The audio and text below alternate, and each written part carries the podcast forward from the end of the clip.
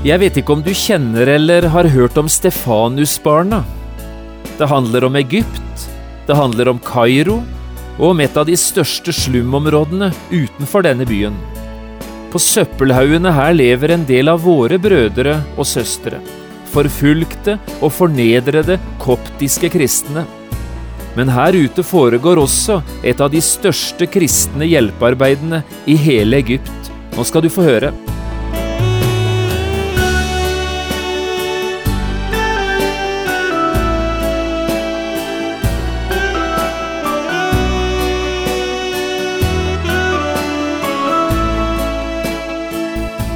Hjertelig velkommen til et nytt program i serien Vindu mot livet. Programmet er produsert av Kristen Riksradio og blir ledet av Jon Hardang. Kristen Riksradio drives av frivillige gaver. Vi er glade for din støtte.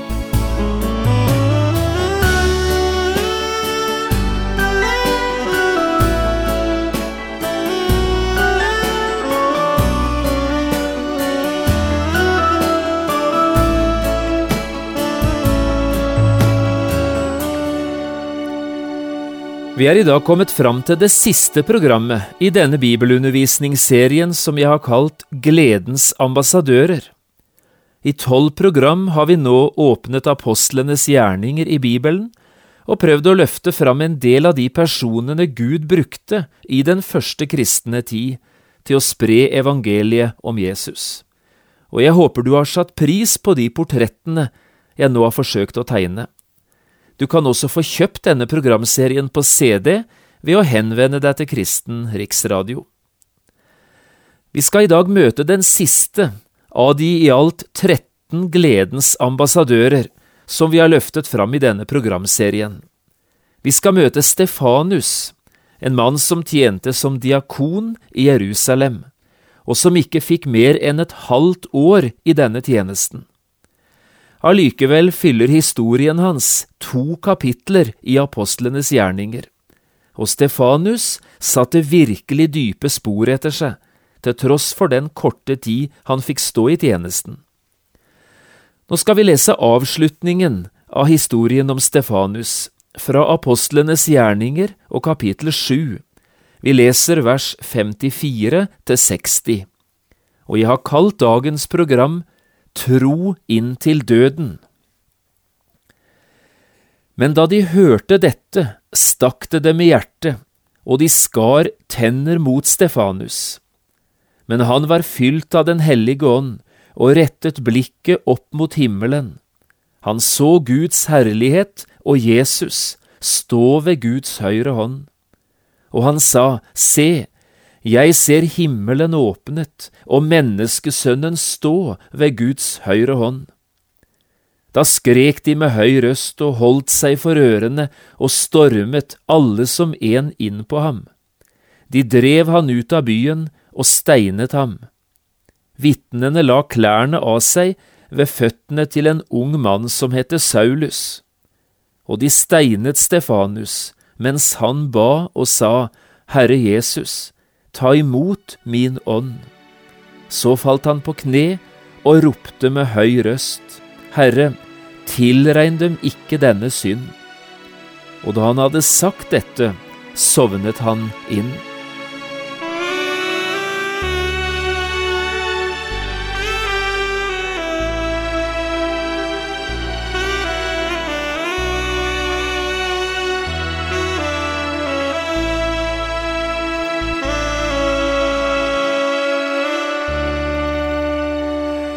I dag har jeg lyst til å fortelle deg litt om Stefanusbarna. Jeg vet ikke om du kjenner dette navnet, eller om du vet hva det står for, men det skal du få høre litt om nå i dag. Stefanusbarna. Dette handler om Egypt, og det handler om det kanskje største humanitære arbeidet som drives på frivillig basis i hele landet Egypt. Nå skal du bare høre. Du kjenner selvsagt navnet Kairo hovedstaden i Egypt. Kairo, det er den travle storbyen ved elva Nilen, med gedigne luksushoteller og en mengde luksusbåter. med store, vakre bygninger og en kultur som fremdeles bærer med seg arven fra de gamle faraoene. Det mange ikke vet, er at det bak denne ytre, flotte fasaden i Kairo befinner seg mer enn én million mennesker, de fleste av dem kristne, som lever i den dypeste fornedrelse. Noen få kilometer utenfor sentrum ligger Mokattam, en søppelby som stinker så du blir kvalm av det. De fleste som lever her, er kristne koptere, som lever i den dypeste fattigdom. De lever av å sortere søppel som flyter overalt. Mange er flyktet hit fra øvre Egypt, der noen også har vært utsatt for forfølgelse av ytterliggående muslimer. Hit ut kommer aldri de store turiststrømmene, men hit kom en dag Maggie Gobran, av alle i dag kjent som Mamma Maggie. Og her ute møtte denne Maggie Gobran et kall til å virkeliggjøre Jesu kjærlighetsbud. Hun fikk oppleve at Gud talte til henne om å gi livet sitt for å formidle håp og trøst til disse fattige menneskene. I likhet med de fleste i Egypt ante heller ikke hun at noen av hennes kristne søsken virkelig levde på denne måten. Men en dag her ute fikk hun øye på noe som rørte seg under overflaten i en søppelhaug og da hun gravde vekk det øverste laget, fikk hun øye på et lite barn, levende begravd i søppel. Det ble starten på en virksomhet som begynte i det små, men som siden har vokst formidabelt, og i dag er det største frivillige humanitære arbeidet i hele Egypt. I dag er det tusen ansatte i Stefanusbarna, eller Stephens Children, som det heter på engelsk. Arbeidet de driver er todelt. Det handler om barnehagedrift på den ene siden, og om hjemmebesøk hos foreldrene på den andre siden, med oppfølging av barna. Disse barnehagene er som rene oaser midt ute i alt søppelet. 250–400 barn i hver barnehage, med undervisning og lek og mat og helsesjekk og så i tillegg forkynnelse av evangeliet. Også familiene trekkes inn ved at mødrene får opplæring i helse og matstell. Barnehagene blir dermed som små kirker midt ute i søppelbyen. Hjemmebesøkene, det er likevel ryggraden i arbeidet, og ukas store høydepunkt for mange av familiene. Hver eneste medarbeider har ansvaret for et visst antall hjem som skal besøkes én gang i uka. Medarbeideren deler ut mat, sjekker behovet for legehjelp og snakker både med barna og familien. Og en bibelfortelling hører selvsagt alltid med. Ellers får barna to ganger i året lov til å reise på leir. 150 barn på hver leir og leirene de varer i tre dager. Her får barna spise seg mette, vaske seg skikkelig hver dag, og selvsagt høre evangeliet om Jesus, han som er glad i alle mennesker, og som ikke gjør forskjell på folk. Det beste er å få dusje, sa en av jentene som var på leir for første gang, og så at vi kan be i sammen. Mange av lederne er slike som selv kom til Stefanus-barna en eller annen gang tidligere, og som selv fikk oppleve på kroppen det disse barna i dag får oppleve. På den måten rekrutterer de nye ledere, som går på lav lønn, og to ufravikelige betingelser er betingelsen for å få lov å jobbe. Du skal hengi deg helt til arbeidet for fattige barn, det er det ene kravet, og så skal du lese ett kapittel fra Bibelen hver dag, det er det andre kravet, og dette er ufravikelig. Men slik vet lederen, mamma Maggie, at hjertene holdes varme, og at ny kraft stadig kan strømme til. Målet, det er å bygge en ny generasjon av koptiske kristne, som er stolt av sin kristne identitet, og som kan være lys og salt i et ellers tøft samfunn. En fantastisk historie. Så langt Stefanus-barna, og litt av det som fortelles om dem fra organisasjonen Norsk misjon i øst. Selv har jeg ikke kjent denne bevegelsen særlig lenge, men det gjorde iallfall sterkt inntrykk på meg da jeg for første gang fikk høre om denne Mamma Maggie, og om alle disse Stefanus-barna som altså lever på søppelhaugene utenfor byen Kairo i Egypt. Bare ett spørsmål skal vi ta med oss videre i dag fra denne fortellingen som jeg nå har formidlet, og det er dette. Hvorfor kalte de bevegelsen for Stefanusbarna? Jo, svaret på det spørsmålet tror jeg egentlig er ganske enkelt. Grunnen er Stefanus selv, altså den personen vi nå leste om fra begynnelsen i dag, og alt det som fortelles om denne mannen i Bibelen. På mange måter er det arbeidet de i dag gjør i slummen utenfor Kairo, en direkte videreføring av det arbeidet som Stefanus og hans medarbeidere dro i gang i Jerusalem, da de ble menighetens sju første diakoner. Her leste vi altså ikke om søppelhauger og slumområder.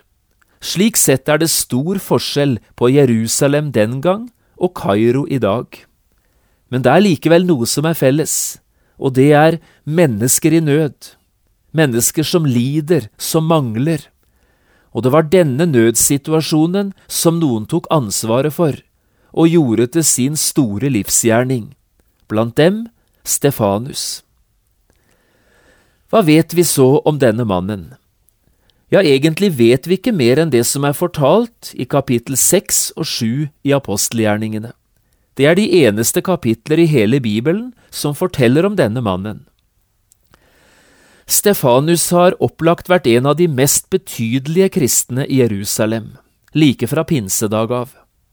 Det ser vi både av at han nevnes først i rekken av de sju nyutnevnte diakonene, men kanskje først og fremst av den beskrivelsen som Lukas gir han, både som menneske og som kristen.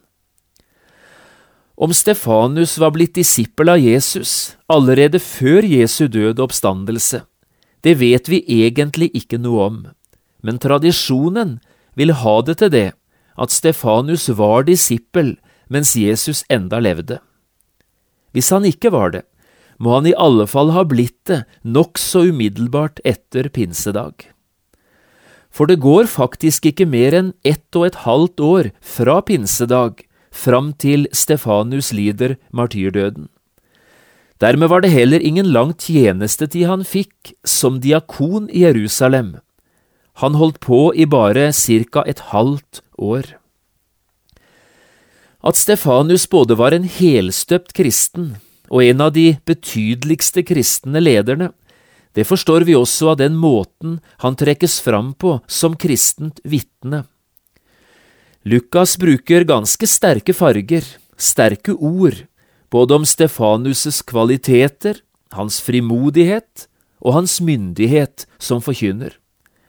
Vi skal lese noen setninger fra apostelgjerningene seks. Hør på dette. Stefanus var full av nåde og kraft, og han gjorde under og store tegn blant folket. Slik leser vi, og det er klart at en slik mann blir lagt merke til. Og da en hel del jøder gikk inn i en offentlig diskusjon med Stefanus om dette med Jesus og forholdet til de hellige skriftene, så står det, de kunne ikke stå seg mot den visdom og den ånd han talte med. Stefanus var altså ingen hvem som helst i Jerusalem. Så da menigheten i byen skulle velge ut disse sju diakonene, var det visse kriterier de la til grunn for valget. La oss velge ut sju menn, sa de, som har godt vitnesbyrd, og som er fylt av ånd og visdom. Og i møte med slike krav var Stefanus et klart førstevalg. Når listen på sju navn skal presenteres, er Stefanus den som nevnes først, og den eneste som blir beskrevet på denne måten, en mann full av tro og Den hellige ånd. Skulle vi nevne enda et forhold som bekrefter hvem denne Stefanus virkelig var, Så måtte det være skildringen av hvordan han møtte de falske anklagene og det høye råd som dømte han til døden. Alle som satt i rådet, stirret på ham, og de så at hans ansikt var som en engels ansikt. Også det er ganske sterke ord, ikke sant? Nå kunne det sikkert vært mye å si om Stefanus' spesielle kvaliteter. Han var nok et hode høyere enn alt folket, for å bruke et uttrykk fra historien om kong Saul i Bibelen. Men nå i den siste delen av programmet vil jeg heller fokusere på ett av de uttrykkene jeg nettopp siterte, når det gjelder denne Stefanus.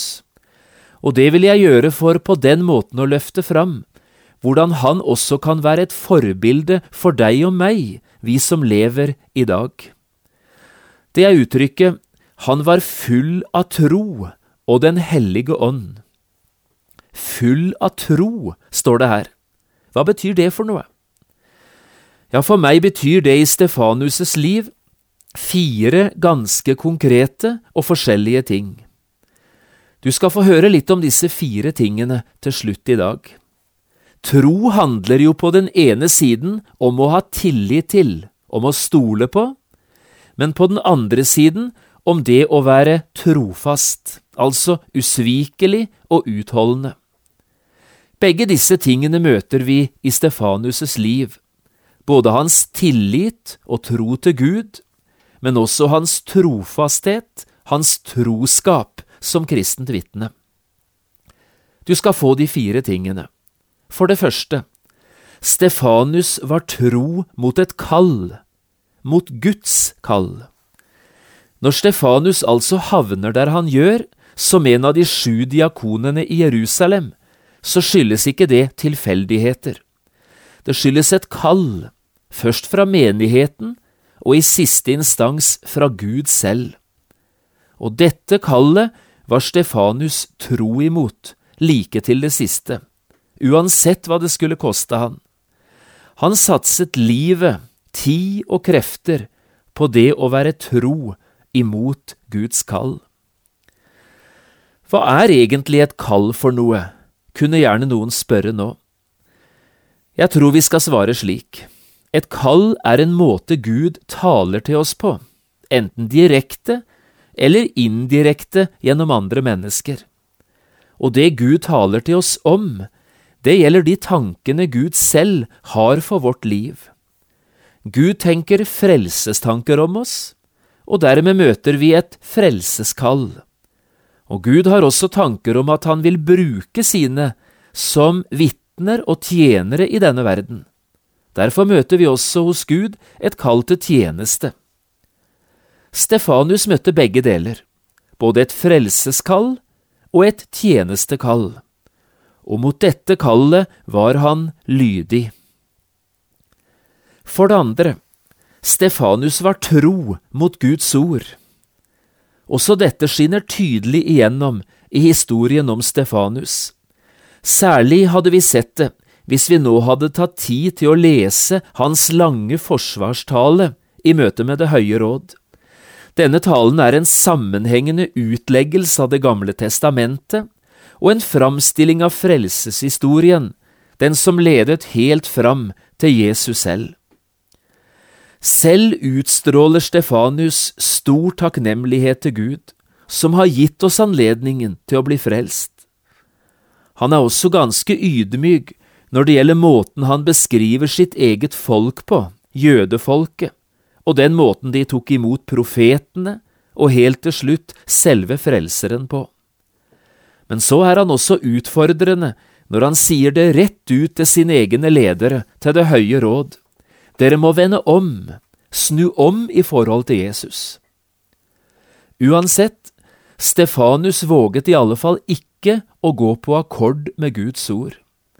Derfor talte han som Guds ord, og det gjorde han i en ånd som bare Gud selv kan gi. Her synes jeg han er et utrolig fint forbilde også for oss i dag. I en tid med uklar lyd i basunen, med feige ledere og en påtagelig vegring når det gjelder frimodigheten til å si Så sier Herren. altså tale som Guds ord, slik Stefanus gjorde det. Han var tro mot ordet. For det tredje, Stefanus var tro også i vanskelige tider. Gud har jo aldri lovet å føre oss utenom vanskelighetene og motgangen som kristne, men han har lovet å gå med oss gjennom det alt sammen. Han har lovet oss en guidet tur gjennom tøft terreng. Gud hadde jo selv lovet å være tro mot Stefanus, og derfor våget Stefanus å være tro tilbake. Også om det skulle koste han frihetsberøvelse, falske anklager, ja, til og med livet. Ingen av oss kommer til å oppleve det livet som Stefanus levde, men ingen andre vil heller komme til å oppleve det livet som du lever. Og nettopp derfor trenger også du en frelser. Du trenger en hyrde, en du kan gå sammen med, som er sterkere enn deg selv. Også du trenger Gud. Og så det fjerde. Stefanus var tro inn til døden.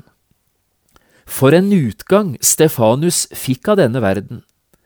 Han fikk nok opplevelsen av å møte det mest grufulle av alt i denne verden, en forferdelig død, og samtidig fikk han en forsmak i møte med døden av det himmelske. Kanskje er den beste måten å beskrive dette på å sitere det Lukas selv skriver. Hør på dette.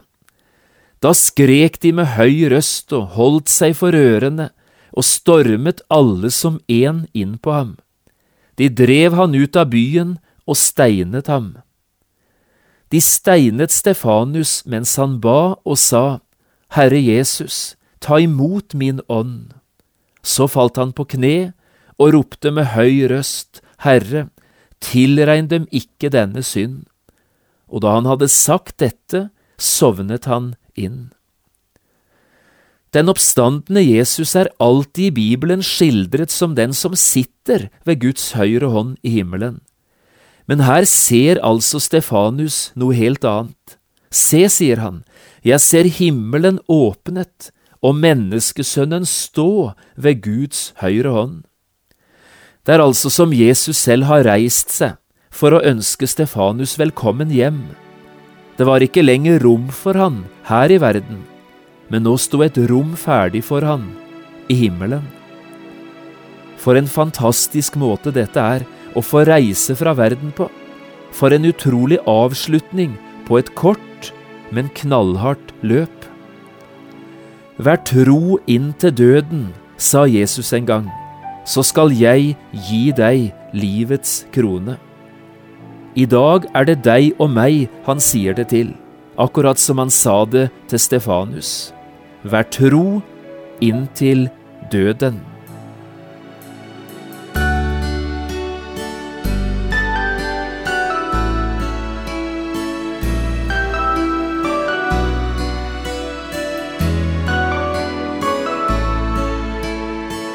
Du har lyttet til et program i serien Vindu mot livet med John Hardang. Programmene i denne serien kan også kjøpes på CD fra Kristen Riksradio, eller høres på internett på p7.no. Har du spørsmål eller kommentarer til det du nå har hørt, kan du ta kontakt med oss. Adressen er Kristen Riksradio, Skiene 2, 5353 Straume, eller send en e-post vml alfakrøll p7.no. Takk for i dag, og på gjenhør.